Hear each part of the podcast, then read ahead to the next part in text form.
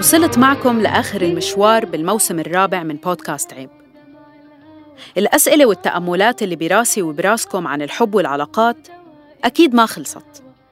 بالعكس يمكن بعض هاي الأسئلة والتأملات هلأ رح تبدأ تيجي مع قدوم النهاية. مثل ما بعض الأسئلة والتأملات بس بتيجي عبالنا مع نهاية حب أو نهاية علاقة وبتزيد وتعبي الفراغ مع رحلة الحداد والتعافي. أسئلة جزء منها عن شو صار بالضبط وكيف وليش وصلنا لهون. وجزء تاني منها عن شو رح يصير بعدين شو رح يصير بعالمنا وفينا. وجزء آخر عن مين إحنا أصلاً مين كنا قبل وكيف صرنا هلأ وشو بنحب وشو بنكره وشو جاي عبالنا نعمل بنقطة النور المشعشعة من بين الخراب. فرصة البدايات الجديدة مع حالنا. الشباك المفتوح بعد احتباس الحزن أو الغضب أو الخذلان أو العتاب.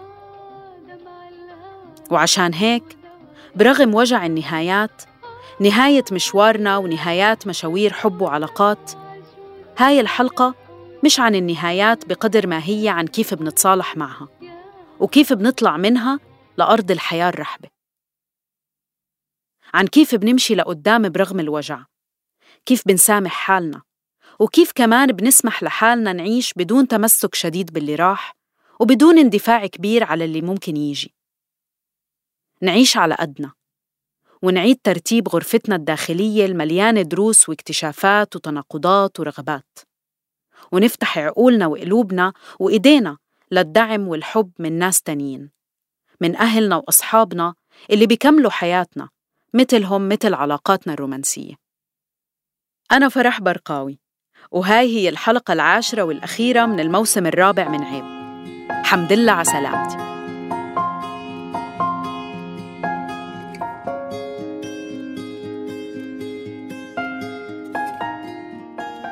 حسيت بعد ما تركنا زي كأنه كنت ضايعة عن حالي ولقيت حالي آه، مع إنه الجملة كتير يعني فيها دراما بس آه، بديت رحلة إعادة اكتشاف حالي.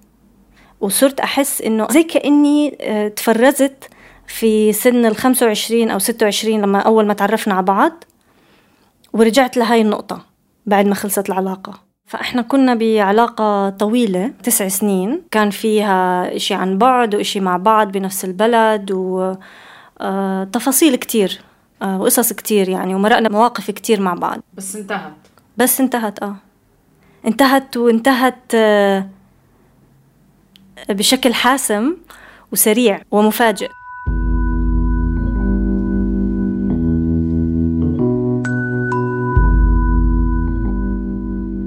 برغم كل التحديات المكانية والزمانية اللي مرقت فيها العلاقة قبل كانت ياسمين مقتنعة فيها ومكملة لحد ما إجا وقت معين غيرت فيه رؤيتها لكل إشي.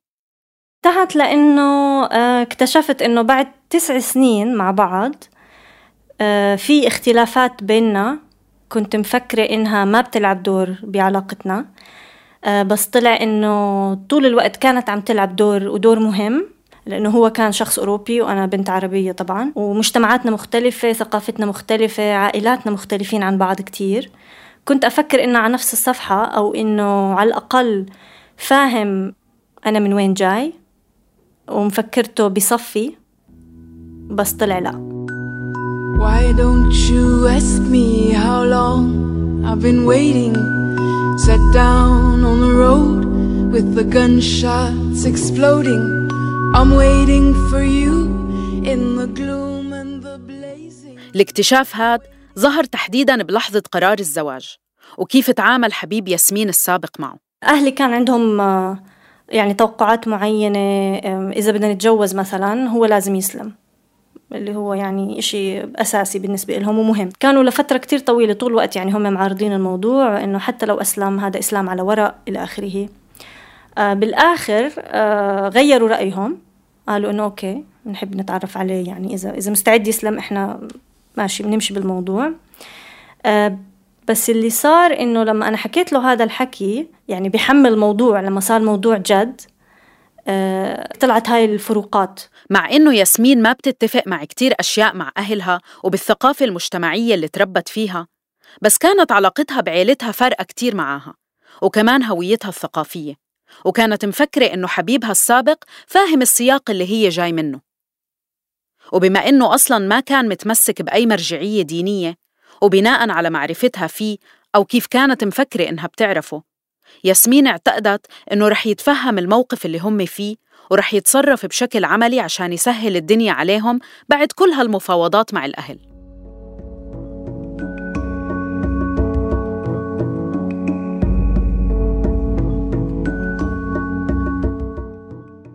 آه لما أنا أعطيته موعد معين إنه يا إما بنمشي بالموضوع بهذا الأسلوب وهاي الطريقة بدك تعمل هيك هيك هيك يا إما أنا الموضوع ما بيناسبني لأنه تسع سنين فترة كتير طويلة وأنا كان بهمني إنه أهلي يكونوا راضيين بالنهاية. آه فلما وصلنا هاي المرحلة بهذا الحوار آه طلع كتير حكي من طرفه آه فاجأني مش بس فاجأني صعقني.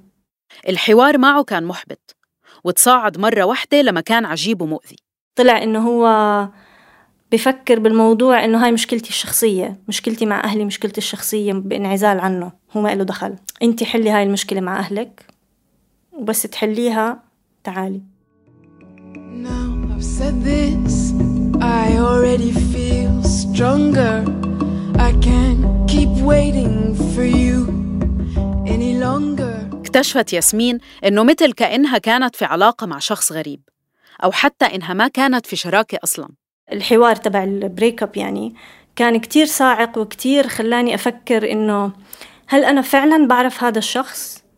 أو يعني بعبارة أخرى هذا الشخص اللي عم يحكي هذا الحكي هلأ بيختلف عن الشخص اللي أنا كنت مفكرة أنا في علاقة معه.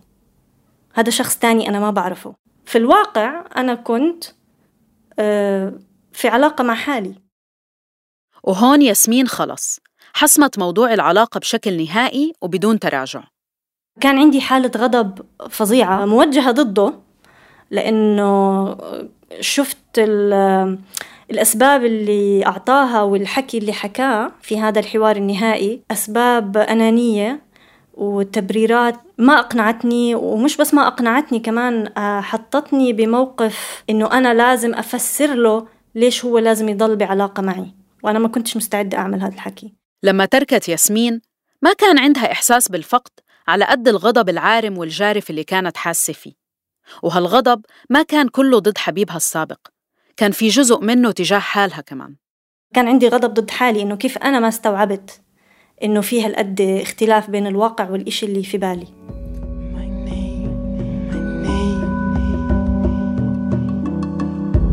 Nothing is,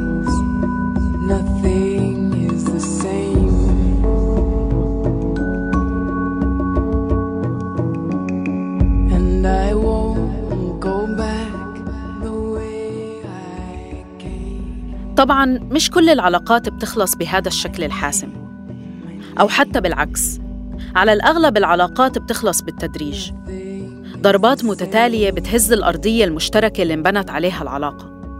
إما لظروف خارجية أكبر من استيعاب العلاقة أو لتغيرات داخلية جرت على حدا من الشركاء أو الاثنين سوا وودتهم بطريقين مختلفين بالرغبات والمشاعر. ومع كل ضربة من هالضربات بينطفي الحب درجة. بيقل الأمل أو بيقل الإيمان بضرورة وجود العلاقة واستمراريتها. وبتيجي لحظة ممكن تكون لحظة عبثية جدا لحظة عنيفة جدا أو لحظة هادية جدا تطفي الشمعة الأخيرة وتخلص الحفلة.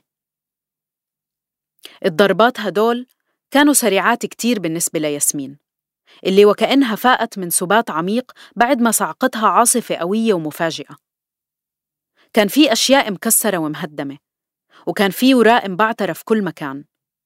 بس كمان كانت العاصفة خلصت والسما زرقاء والبحر هادي والنسيم منعش والشمس طالعة. وإجا دور لتستوعب وترتب غرفتها الداخلية.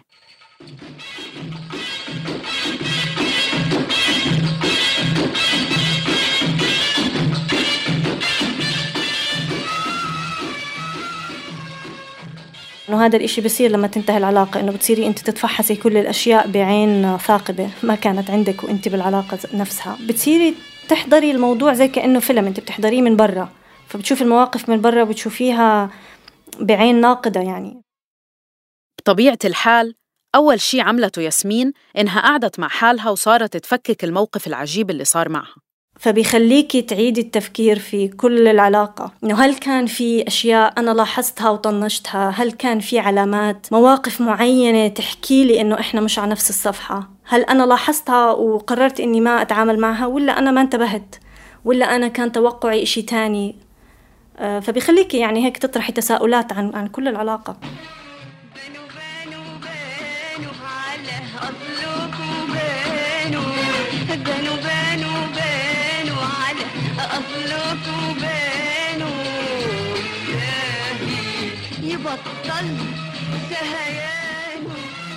الإجابات على أسئلة ياسمين كان طبعا أغلبها نعم. بس أوقات المواقف أو التفاصيل بتكون صغيرة لدرجة بتبين تافهة ومش مهمة جنب كيان العلاقة. كنت أفكر إنه بما إنه جوهر العلاقة منيح وكويس وإحنا بنحب بعض وبنحترم بعض هاي الأشياء مش مهمة. بس بعدين اكتشفت في النهاية وكيف انتهى الموضوع إنه في الواقع هاي الأشياء كانت كتير مهمة وكانت هي السبب ليش تركنا. بالبداية فكرت ياسمين إنها تفادت الارتباط بشخص محافظ وذكوري لكنها اكتشفت مع الوقت إنه الذكورية مش التحدي الوحيد اللي ممكن يوقف بطريقها. هي ما كانت ذكورية بقد ما كانت استشراقية التبريرات اللي آه، وحسيتها كتير مستمدة من آه، فردانيته هو كشخص أبيض وأوروبي. عنده رفاهية إنه يعمل قرارات معينة آه، وعنده رفاهية إنه يرفض يعمل أشياء معينة. وأنا كنت مفكرة إنه هو فاهم أنا شو السياق اللي جاي منه وشو الثقافة اللي جاي منها وشو التحديات يعني اللي أنا كل يوم عمالي بحارب فيها.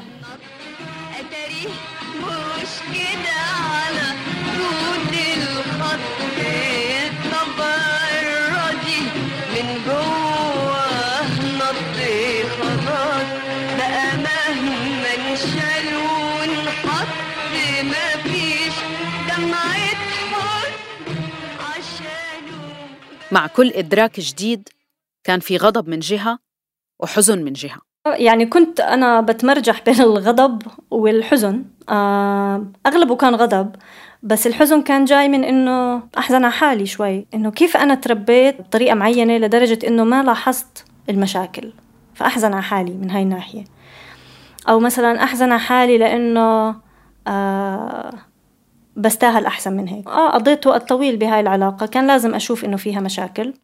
بعد ما هدأت من التفكير بموقف الانفصال رجعت ياسمين تطلع على العلاقة بشكل عام وعلى حالها وعلى موقعها بداخلها.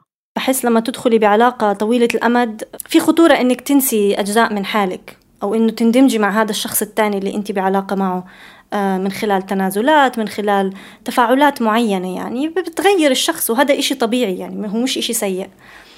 آه، بس لما خلصت هاي العلاقة حسيت إنه زي كأني عملت ريست إنه أنا رجعت لما للوقت اللي أنا كنت فيه آه 25 أو 26 سنة لما تعرفت عليه قبل تسع سنين.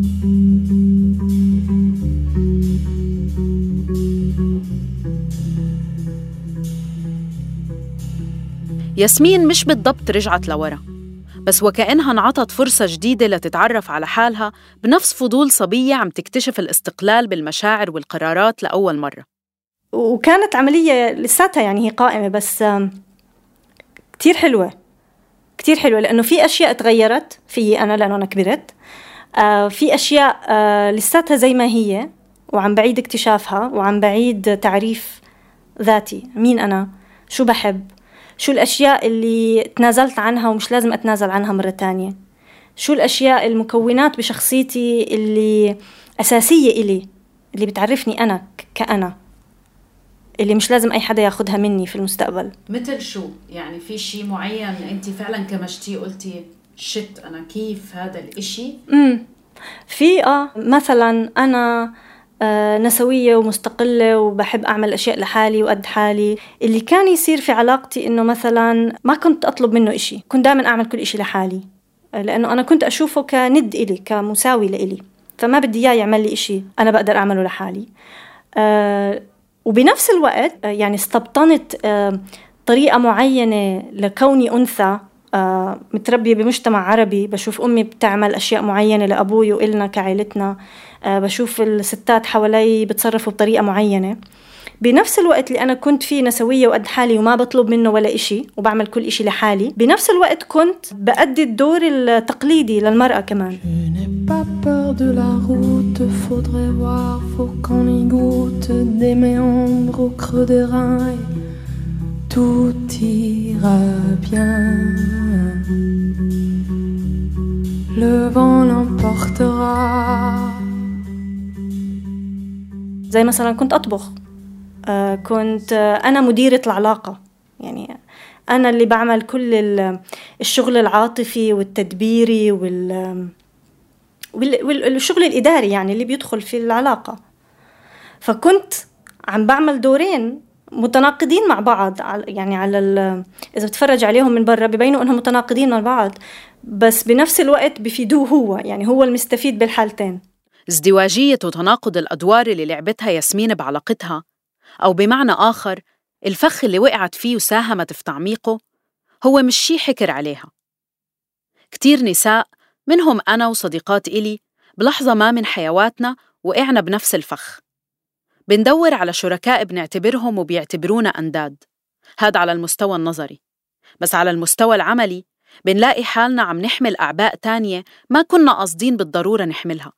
يا لأنه مبرمجات اجتماعيا نعمل هالشي بشكل تلقائي أو لأنه فعلا ما في حدا غيرنا عم بيقوم ببعض المهام داخل العلاقة.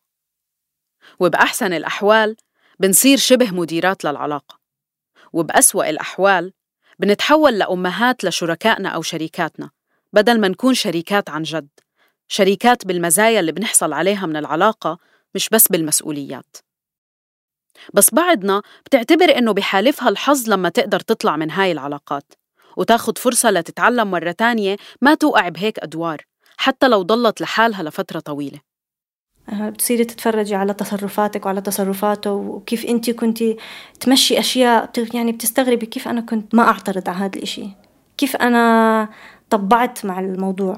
بس هذا الوضوح في الرؤية بيجي بعدين. النية إنه يكون درس الواحد يتعلمه مشان ما يعيد الغلطة.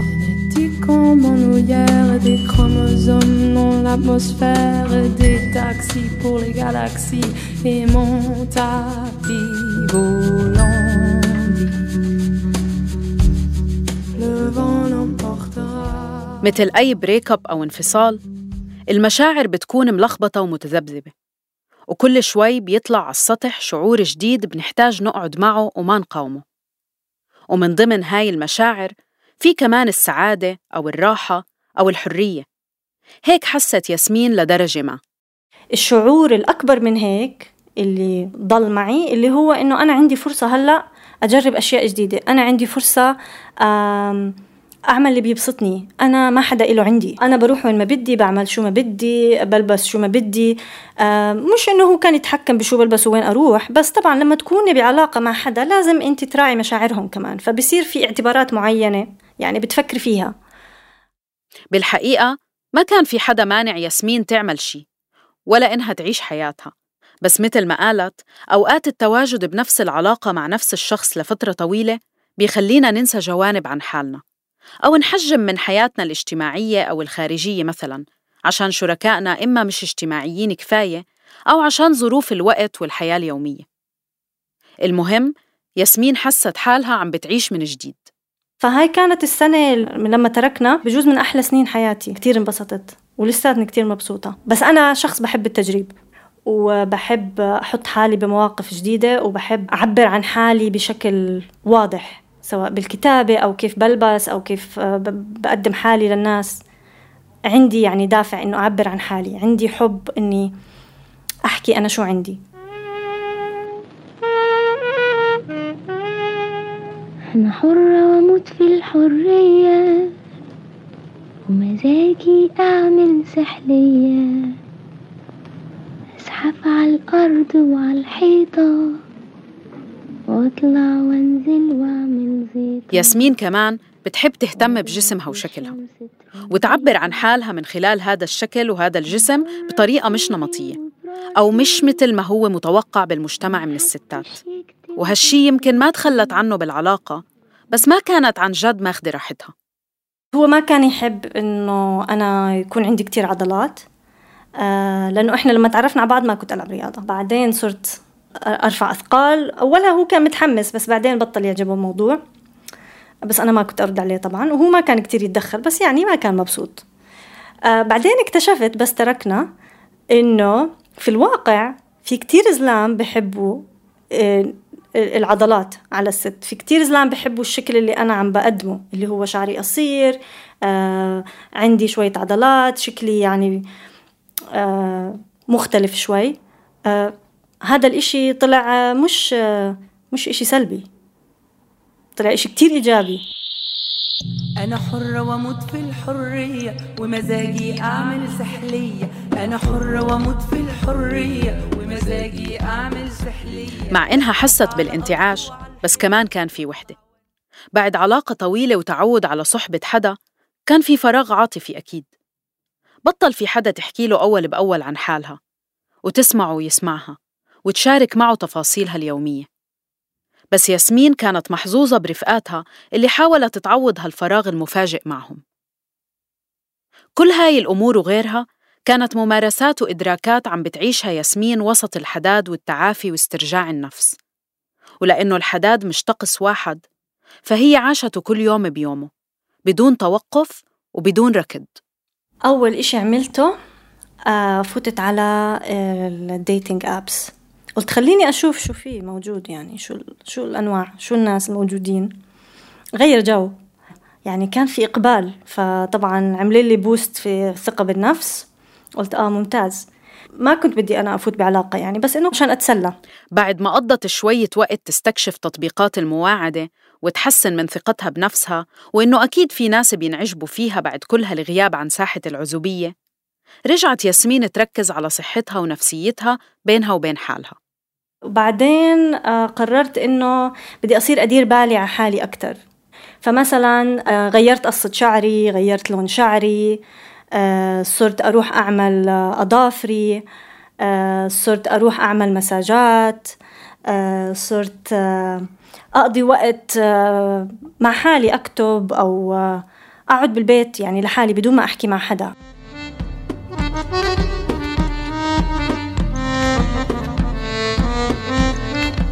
حرة بديلي وبراسي ومحدش يكتم أنفاسي. أنا حرة بديلي صرت أطلع مع ناس أصغر مني بالعمر. هذا إشي ما كنت أعمله قبل.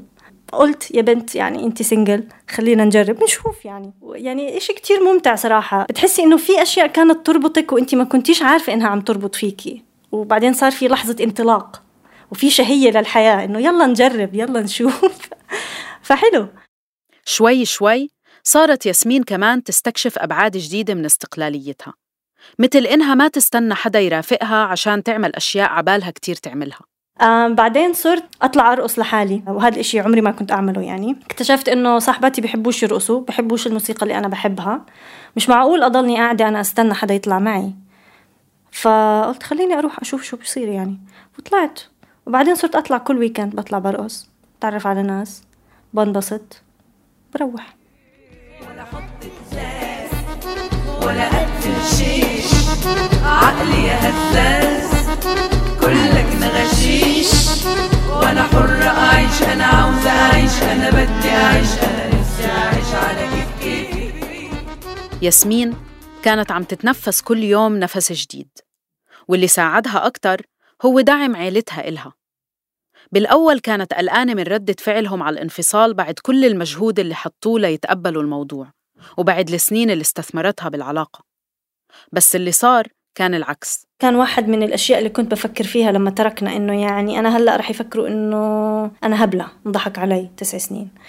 آه فكنت قلقانة شوي من الموضوع بس آه في الواقع كانت ردة فعلهم كتير آه عادية إيجابية أمي قالت لي انسي الموضوع ولا زي كأنه صار. حتى قالت لي أنت لساتك حلوة وصغيرة. خلص انسي الموضوع وفتحي عينك. وبالنسبة إلها لولا وجود إخواتها وصديقاتها جنبها كانت رحلة الحداد والتعافي رح تكون كتير أصعب ويمكن فيها تردد وشكوك. إخواتي وصحباتي كانوا كتير مهمين ينشلوني من الحالة اللي أنا كنت فيها هاي تبعت الغضب والحزن وبنفس الوقت كمان يأكدوا لي إنه أنا اللي عم بحس فيه مزبوط إنه هو غلط إنه أنا اللي عم بحكيه مش إشي أنا عم بتخيله ما عم بتبلى عليه يعني. كمان هالتواجد مهم عشان نلاقي حدا يسمعنا. فما بالكم وإحنا بعاد بالغربة؟ وين ممكن نحس بالوحدة بشكل أكبر بكتير من وحدة الحداد الأكيدة؟ كانوا يسمعوني. أبكي على السكايب أو على التليفون وهم يبكوا معي. يعني هيك بيردوا علي بيردوا على مشاعري. خصوصي هذا الإشي كتير مهم لما تكوني فقدتي حدا بتحبيه أو حدا مهم كتير بالنسبة إلك اللي هو كان الشخص اللي أنت بتحكي معه وبسمعك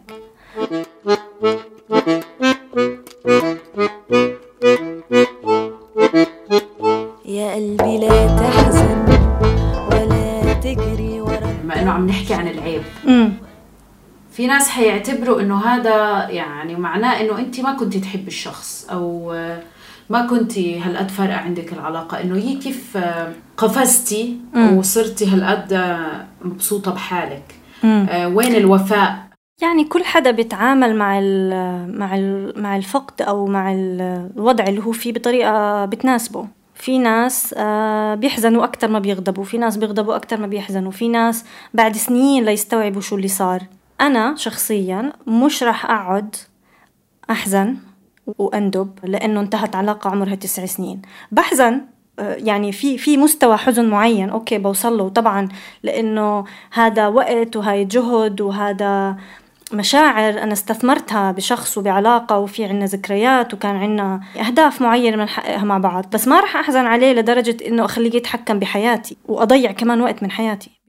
الموضوع مش بس موضوع الوقت والزمن. بس كمان في مشاعر مثل الغضب.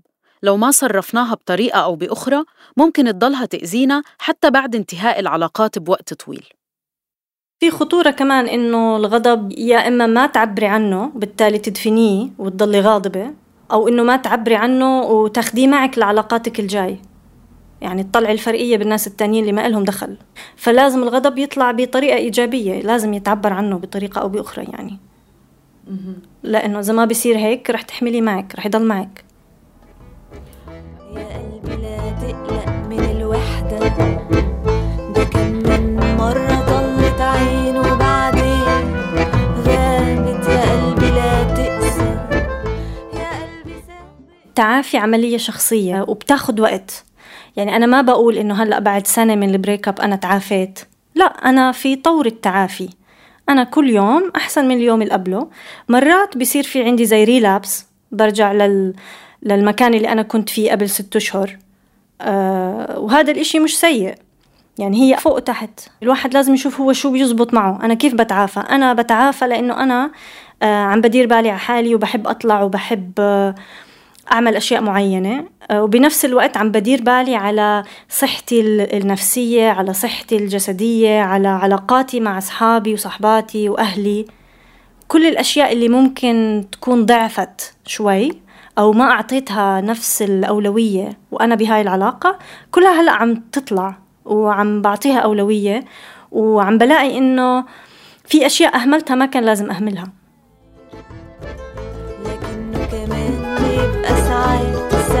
سبب سعادة في اللحظات فيا قلبي لا تصمت ولا تسمع كلامي. وهلأ وصلت معكم لآخر المشوار فعلا وصار وقت إطلاق الزفير الأخير. كانت ورطة حقيقية أكبر حتى من اللي توقعته وحكيت لكم عنه بالحلقة الأولى. انبسطت كتير وتعبت كتير وحزنت كتير وتوجعت كتير. وعصرت مخي وقلبي وجسمي لأسمع القصص وأعيشها مع أصحابها وأنتج لكم هاي الحلقات. والأهم مثل أي علاقة تعلمت كتير عن حالي وعلاقاتي وصداقاتي كمان. مبسوطة إنكم رافقتوني بهالرحلة وبتمنى إنها كانت رحلة تأمل وتعلم مسلية ومفيدة مثل ما كانت إلي كمان. وعلى قد الحب على قد المجهود والتعب.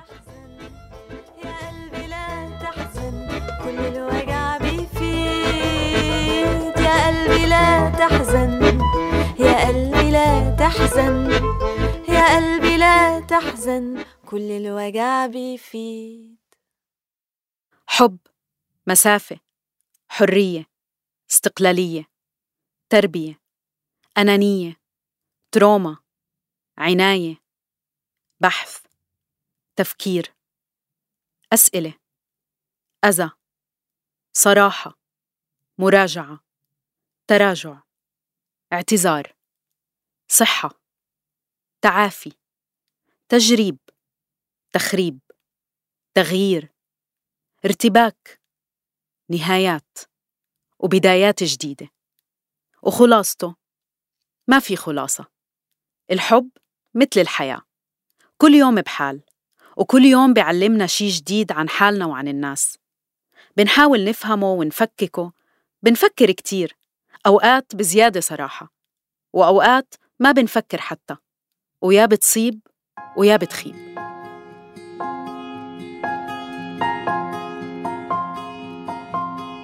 هاي كانت الحلقة العاشرة والأخيرة من الموسم الرابع من بودكاست عيب من إنتاج صوت.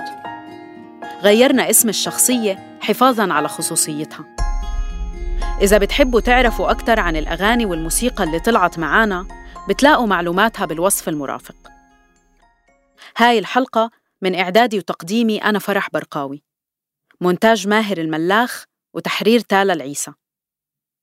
شارك في إنتاج الموسم الرابع من عيب كل من صبرين طه وتيسير قباني وآية علي ومرام النبالي وجنى قزاز. وأشخاص كتير من أصحابي ودوائري اللي مش رح أقدر أوفيهم حقهم بالشكر والامتنان. بتقدروا تسمعوا كل حلقات بودكاست عيب على أي تطبيق بتفضلوه لسماع البودكاست. دوروا على عيب أو E I B من صوت سواء على Apple Podcasts، Google Podcasts، SoundCloud، Spotify و Stitcher وغيرهم. مع السلامة.